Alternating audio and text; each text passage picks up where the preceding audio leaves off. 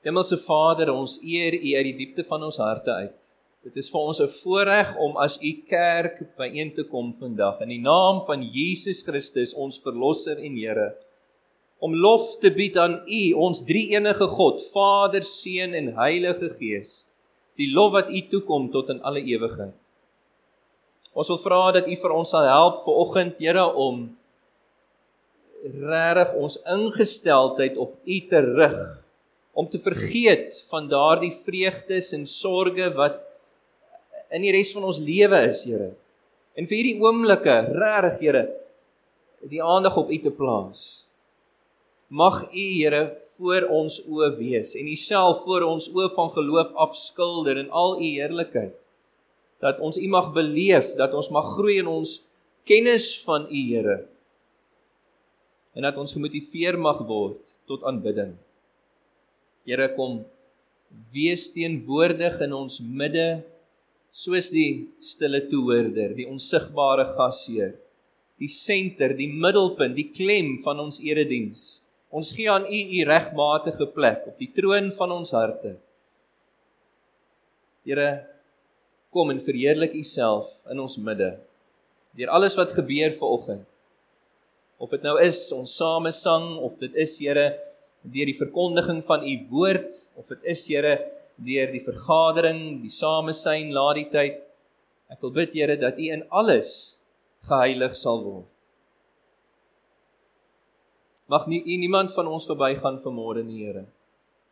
Maar mag u u hand plaas op ons elkeen. En mag ons bewus wees van die Here se stem tot ons deur u woord en gees. Vader, ons wil spesiaal bid vir ons kerk vanmôre. Here, ons het U so nodig as 'n geloofsgemeenskap. Here, dat U ons sal aanhou groei, dat U U kerk sal bou eh, in geestelike diepte sowel as in getalle groei, soos U beloof het in Matteus 16 vers 18. Ons dink aan die individue op ons blaadjie vanmôre, almal wat genoem word, Here. Ons wil niemand uitsonder nie, maar in elkeen se omstandighede vra ons, Here, dat U sal neerbuk en U self sal bewys die God van alle vertroosting die God van goedertierenheid en trou soos ons U ken. En dat U Here wysheid sal gee in hierdie situasies. Dat U uitkoms sal gee ter wille van U eer en die welstand van U kerk. Asseblief, ons vra Here dat U sal ingryp in ons kerklike sake, veral ook môre aand wanneer die ouderlinge bymekaar kom. Here dat U vir ons wysheid sal skenk in ons leiding van die gemeente. Here ons wil bid vir die liggaam van Christus, nie net ons plaaslike gemeente nie, Here, maar die die kerk van die Here Jesus regoor Suid-Afrika en wêreldwyd. Soos ons weekliks doen, Here, dat U sal ingryp en dat eh, Here U vanoggend aan die woord sal wees. Dat die woord suiwer verkondig sal word dat daar herlewing sal wees weer eens Here in soveel lande wat dit nodig het dat die evangelie sal met krag uitgaan en dat daar bekering sal wees by die derduisende Here. Ons vertrou U hiervoor Here vir U kerk reg oor die wêreld maar spesifiek dan ook in Suid-Afrika waar ons dit so nodig het Here. Ons lewe in tye waarin goddeloosheid onbeheerst toeneem Die fondamente van reg, geregtigheid en orde is aan die verbrokkel. Ons belewe die aanslag van goddeloses teen ons, Here, wat ons teiken. En ons het nodig, Here, dat U deur die evangelie weer eens sal kom ingryp om dinge om te draai ter wille van U eer in die uitbreiding van U koninkryk in Suid-Afrika. Here, ons wil dink aan ons sendelinge wat op ons blaadjie verskyn dat U met ieder en elkeen van hulle sal wees dat U sal voorsien in hulle behoeftes dat U hulle sal lei in 'n besluitneming dat U hulle sal beskerm van ongeluk en aanval en van die vyand. En ons wil dink Here ook aan Kiba as 'n land dat U daar Here die evangelie sy snelle loop sal gee dat U die kerk daar en die leiers getrou sal hou aan U. En dit ter wille van U eer Here, ons vra hierdie dinge in die naam van ons Here Jesus Christus en ons sien uit met blye verwagting wat U ook dan vanoggend vir ons gaan doen in die naam van Jesus Christus. Amen. Liewe gemeente, julle kan julle Bybels oopmaak by Psalm 11 vanmôre. Psalm 11. Ek wil julle vra in hierdie oomblikke om nie te fokus op die harde reën, op die geraas van die luidsprekers nie.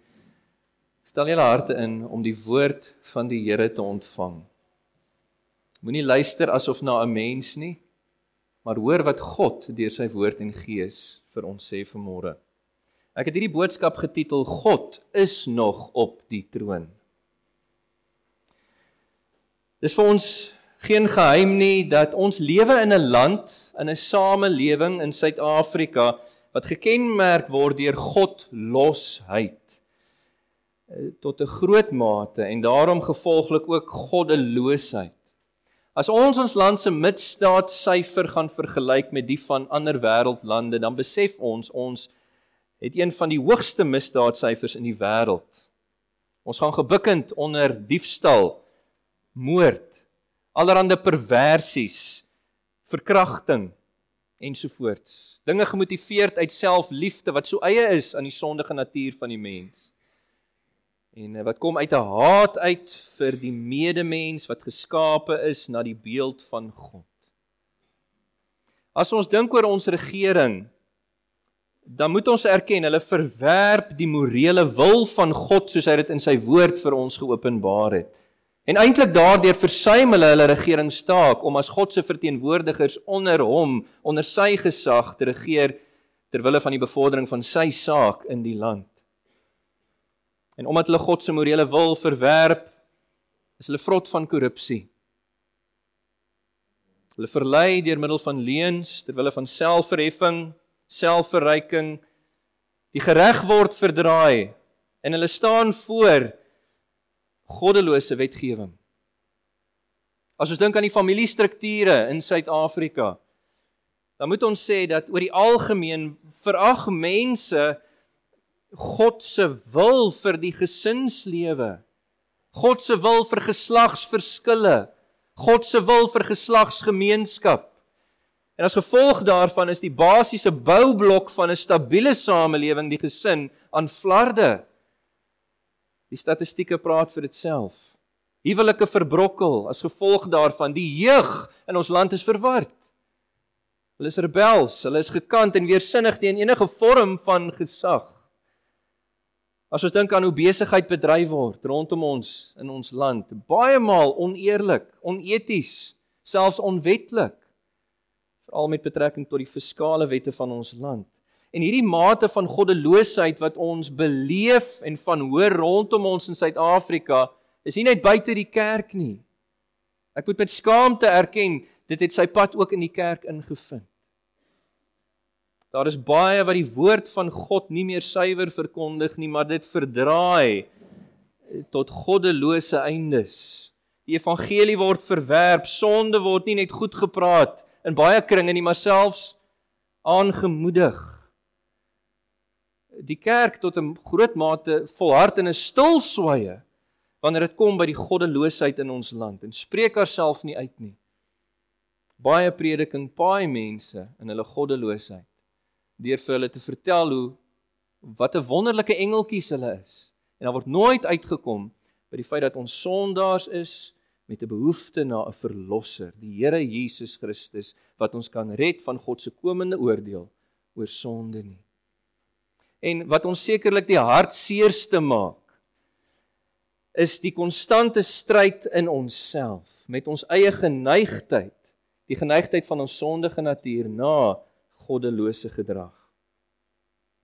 Nou gemeente, wanneer goddeloosheid dan onbeheers toeneem in 'n land, in 'n samelewing soos in Suid-Afrika, soveel so dat die fondamente selfs van reg en geregtigheid en orde verbrokkel.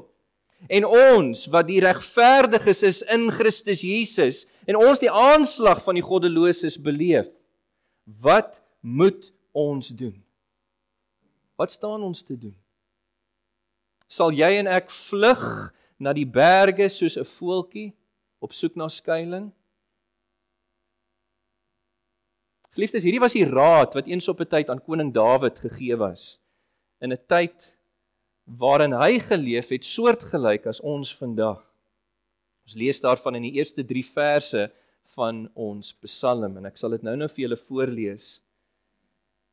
Dawid het hierdie raad ontvang in 'n tyd van krisis te midde God se Ou Testament volk, toe goddeloosheid onbeheers toegeneem het, toe die fondamente van reggeregtigheid en orde ook rondom hom verkrummel het.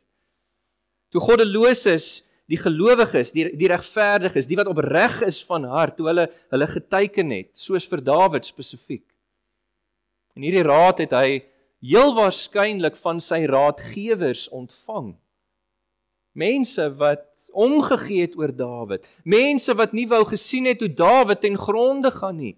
Mense wat tog twyfelagtig was met betrekking tot God se vermoë om 'n uitkoms te gee in die situasie.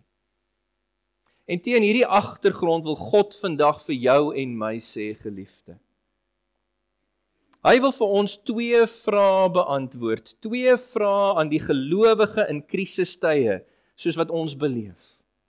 Twee vrae wil hy beantwoord vir gelowiges in krisistye waar goddeloosheid toeneem, waar die fondamente as dit ware van reg en geregtigheid en orde verkrummel, sodat ons nie onsself sal oorgee aan vrees nie, dat ons nie onsself sal oorgee aan die versoeking om te ontvlug uit ons omstandighede nie, maar eerder dat ons sal vas staan in vertroue op ons God om by hom skuilings te vind. Hy wat soewerein is. Hy wat almagtig is. Hy wat alwetend is. Hy wat regverdig is, soos ons sal sien in hierdie Psalm. Met dit as inleiding kom ek lees vir ons Psalm 11 en dan bid ek vir die Here se hulp. Die woord van die Here sê vir ons Psalm 11 vir die musiekleier van Dawid. By die Here skuil ek. Hoe kan julle dan vir my sê vlug soos 'n voël na die berge? Want kyk, die goddeloses span 'n boog. Hulle sit hulle pile op die boogsnaar om in die donker op die opregtes van hart te skiet. En dan hierdie retoriese vraag: as die fondamente afgebreek word, wat kan 'n regverdige dan doen? En dan antwoord die Here Vers 4 Die Here is in sy heilige paleis. Die Here in die hemel is sy troon. Sy oë sien. Sy blik toets die mense kinders. Die Here, 'n regverdige toets hy. Maar 'n goddelose en iemand wat geweld liefhet, het hy 'n weersin. Hy laat gloeiende kole op goddeloses neerheen vuur en swaal en 'n skroeiende wind. Dit is wat hulle toekom. Dit is hulle beker. Want regverdig is die Here. Hy het geregtigheid lief. Opregtes sal sy teenwoordigheid en ervaar. Die Afrikaanse ou vertaling sê dit so mooi: die opregtes van hart sal sy aangesig sien. Net tot sover het die woord van die Here. Gemeente, kom ons sluit ons oë. Hemelse Vader. Here ons lewe in soortgelyke omstandighede as wat Dawid beleef het in hierdie Psalm en ek wil vra ag Here wees aan die woord vanmôre. Kom spreek ons toe deur u woord en gees bied aan ons vertroosting en hoop bied aan ons leiding bied aan ons Here 'n blik op hoe u kyk na ons omstandighede Dit vra ons in die naam van ons Here Jesus Christus. En mag hierdie woord nie leeg na U toe terugkeer nie, maar bereik waarvoor U dit uitstuur vanmôre in ons lewens. Alles tot U eer in Jesus naam. Amen. Gemeente, soos ek gesê het, twee vrae word vir ons beantwoord in hierdie gedeelte. Die eerste vraag wat God vir ons beantwoord is: Waar is God wanneer goddeloosheid toeneem? Ek is seker dat julle het al hierdie vraag gevra in julle lewens. Waar is God wanneer goddeloosheid toeneem? Ek lees vir ons vers 4a weer. Die Here wil hê ons moet weet dat hy die Here Here is in sy heilige paleis. Die Here In die hemel is sy troon en sy oë sien. Ons God is soos die teks sê die Here. Let op na hoe dit gespel word in julle Bybels. Here met hoofletters.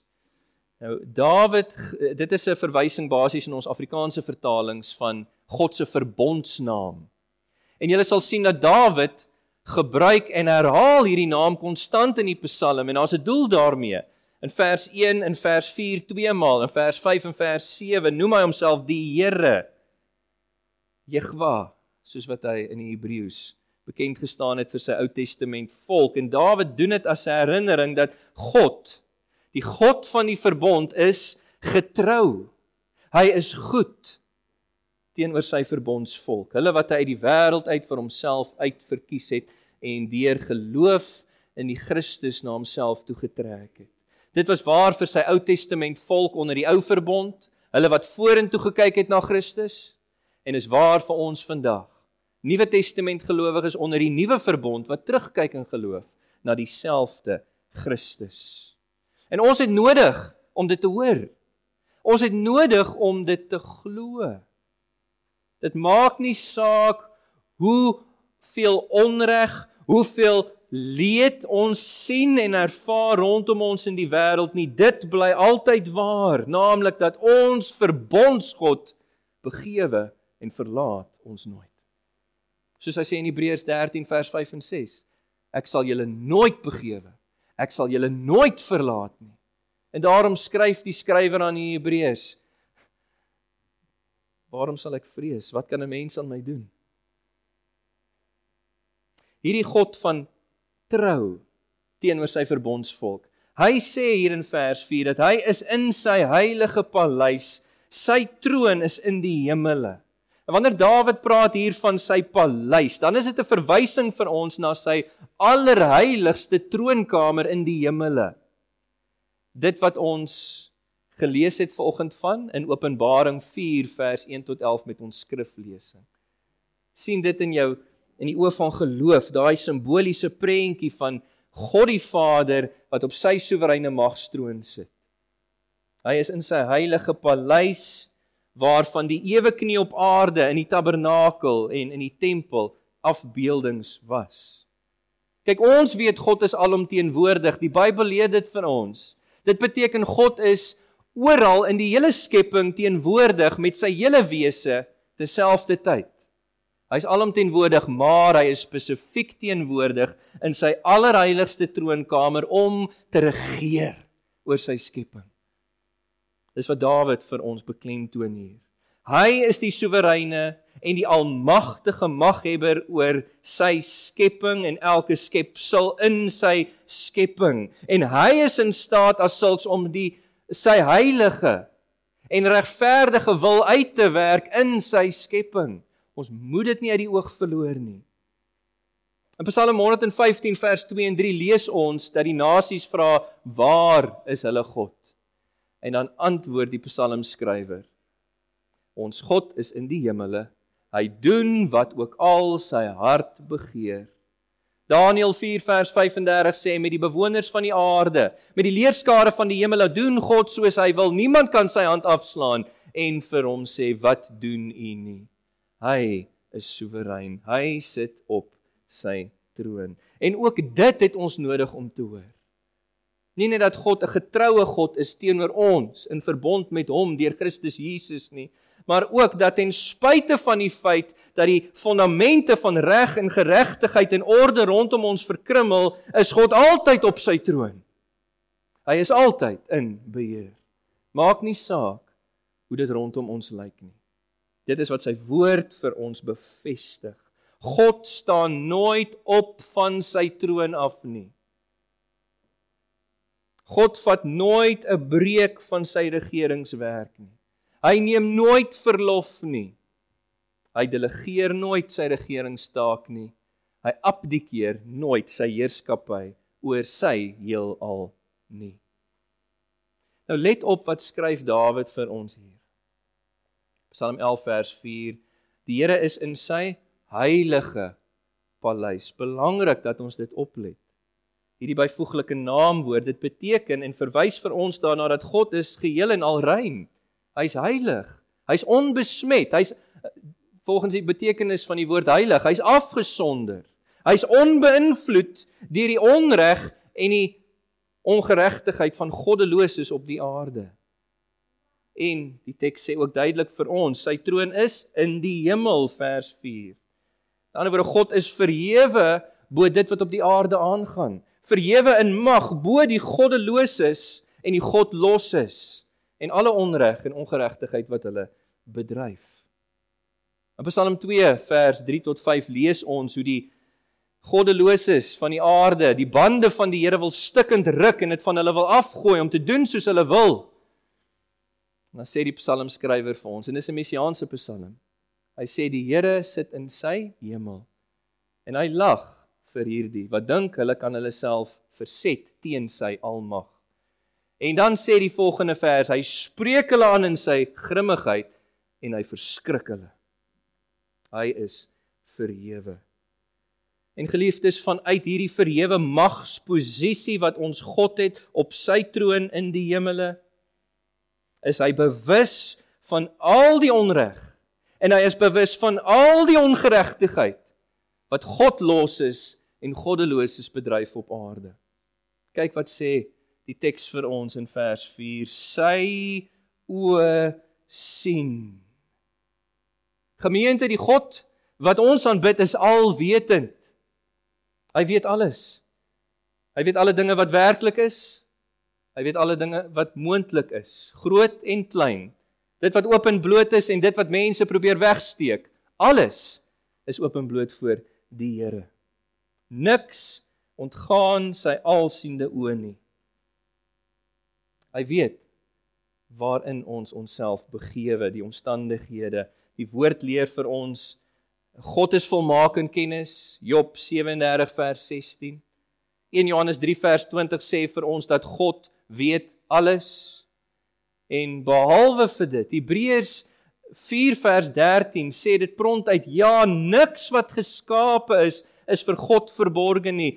Alles is oop en bloot voor sy oë, hom teenoor wie alle mense verantwoording moet gee.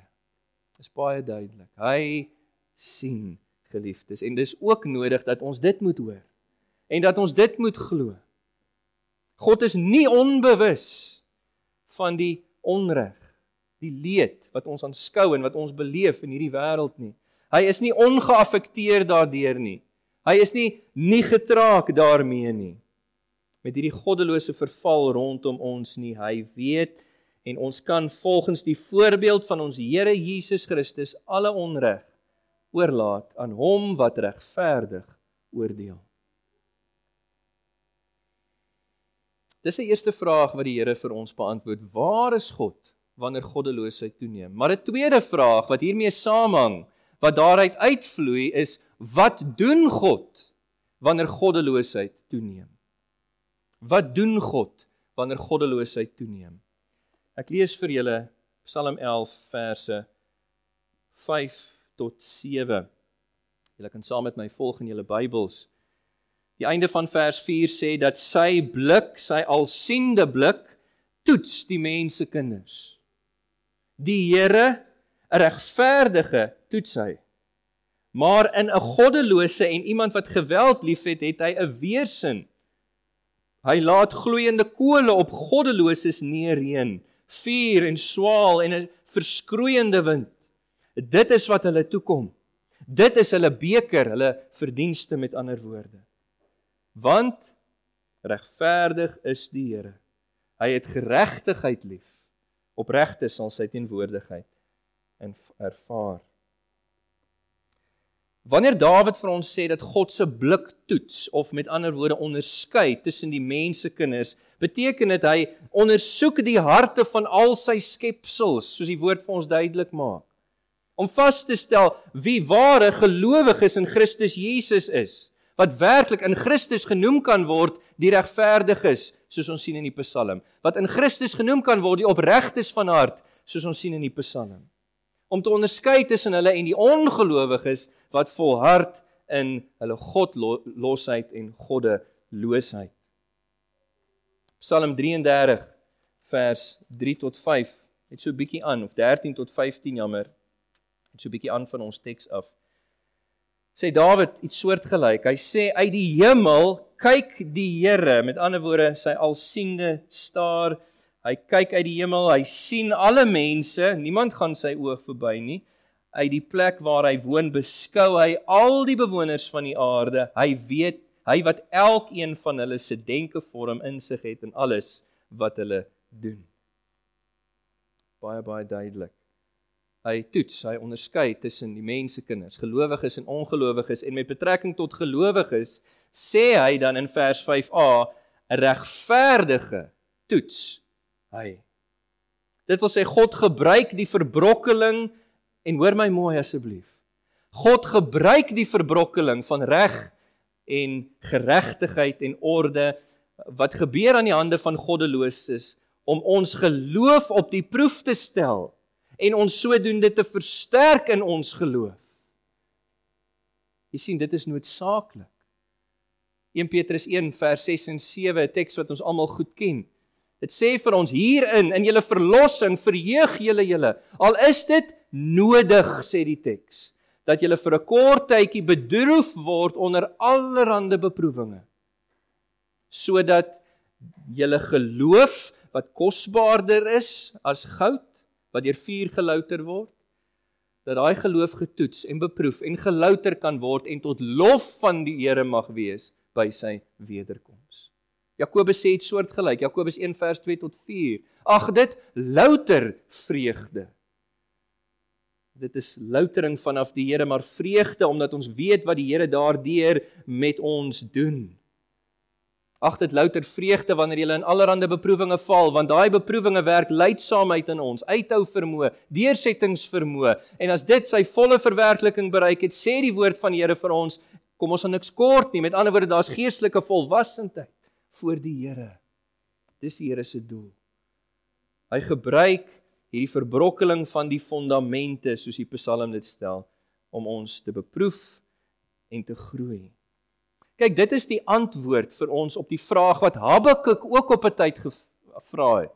Habakuk was in presies dieselfde omstandighede gewikkel as Dawid in sy konteks as ons in ons konteks en hy het gevra in Habakuk 1 vers 3: Here, waarom laat U my onreg sien en ervaar en leed terwyl U toe kyk?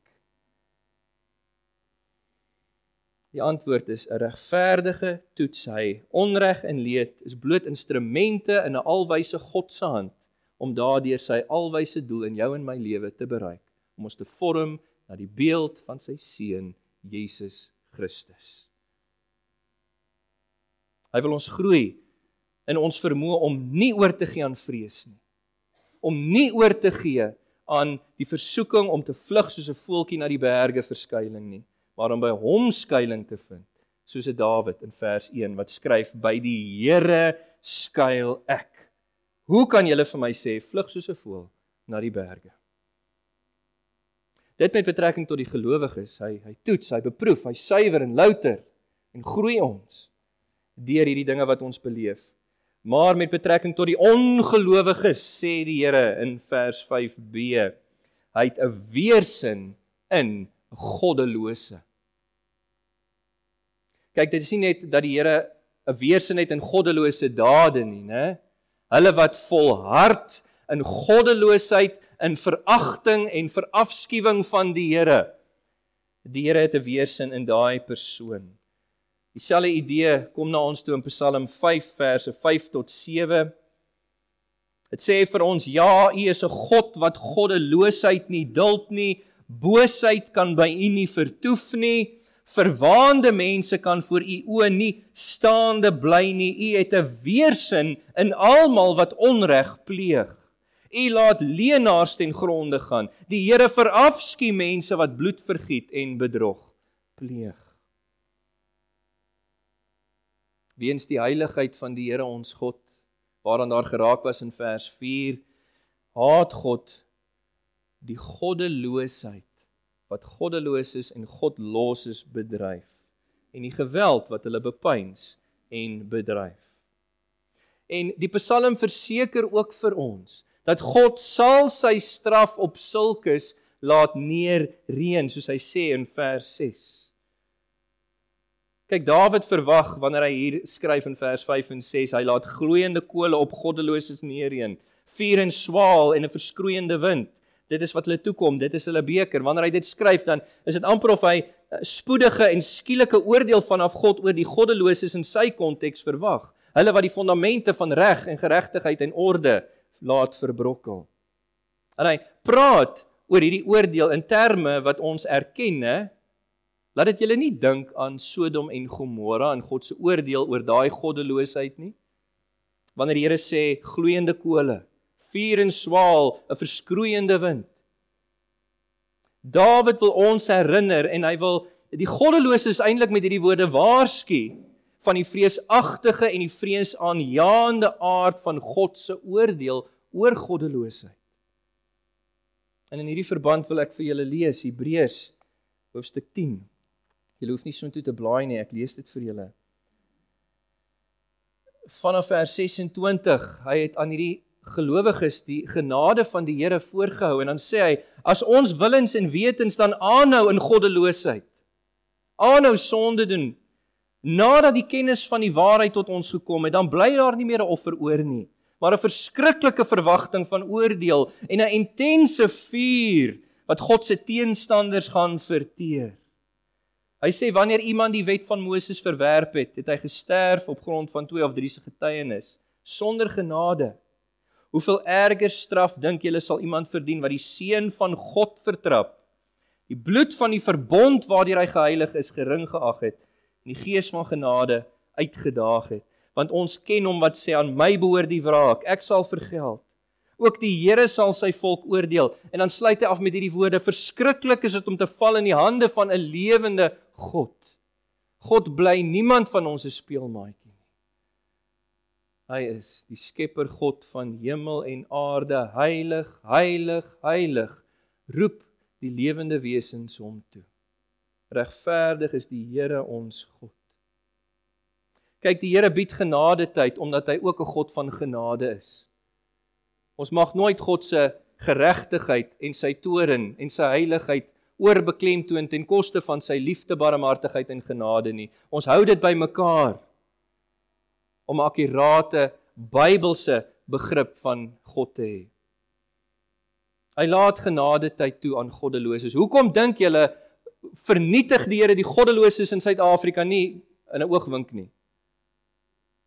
Want die Here sê dis nie sy begeerte dat enigeen verlore gaan nie, maar dat almal kom tot die kennis van die waarheid en dat hulle so deur bekering gered word.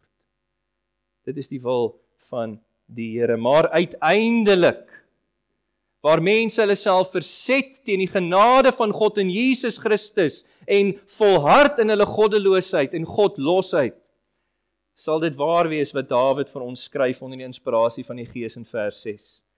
Hy laat gloeiende kole op goddeloses neerreën, vuur en swaal, 'n verskroeiende wind. Dit is wat hulle toekom, dit is hulle beker.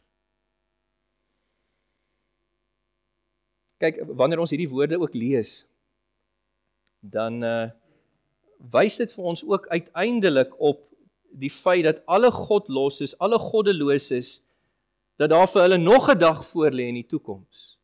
'n Dag baie soos Sodom en Gomorra, né?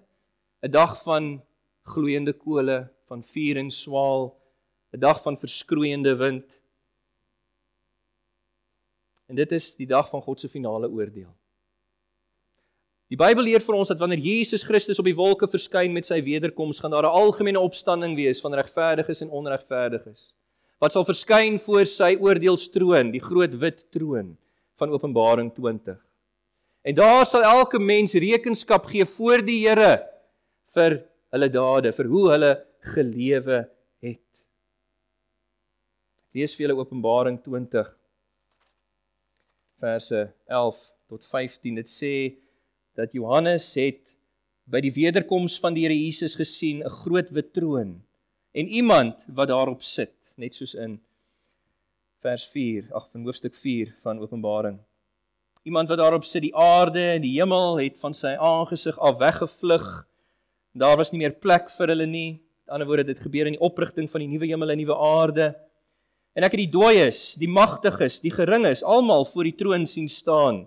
Die skape en die bokke, soos dit vir ons uitgebeeld word in Matteus 25 vanaf vers 31.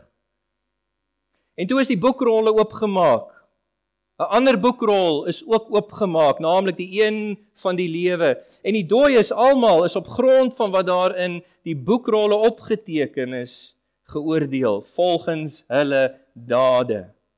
Die see, die dooies wat daarin is teruggegee.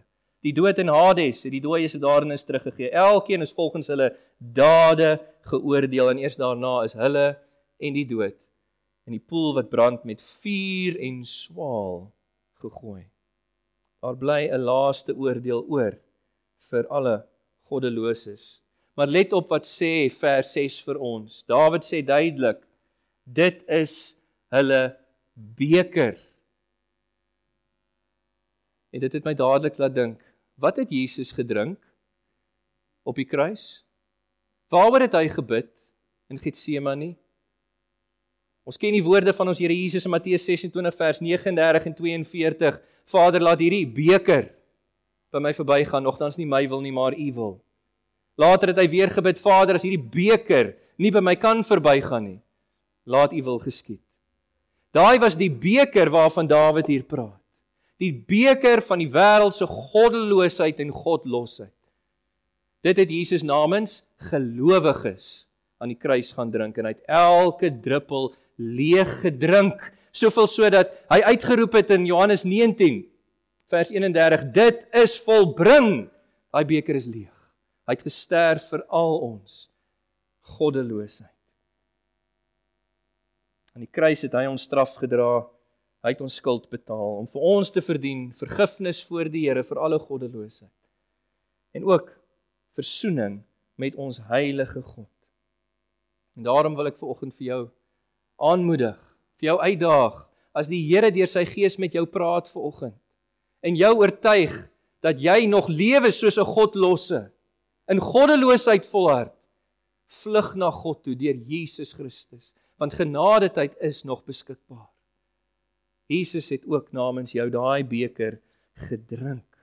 En ek moedig jou aan doen dit vandag nog want Hebreërs 10 sê ons God is 'n verterende vuur. En verskriklik is dit om te val in die hande van 'n lewende God as jy sy reddende genade in Jesus Christus verag. En dan gee Dawid vir ons die rede waarom God regverdiges toets en ongelowiges straf. In vers 11. Hy sê want regverdig is die Here. Dit beteken dat God altyd doen met dit wat in lyn is met reg en geregtigheid. En hy is inderdaad in al sy optrede vir ons die standaard, die maatstaf van wat regverdig is. Deuteronomium 32 vers 4 sê dit so mooi. Ek lees vir julle die vers. Ons God is 'n rots, volmaak in sy werk. Ja, al sy paaie is 'n maatstaf vir ons.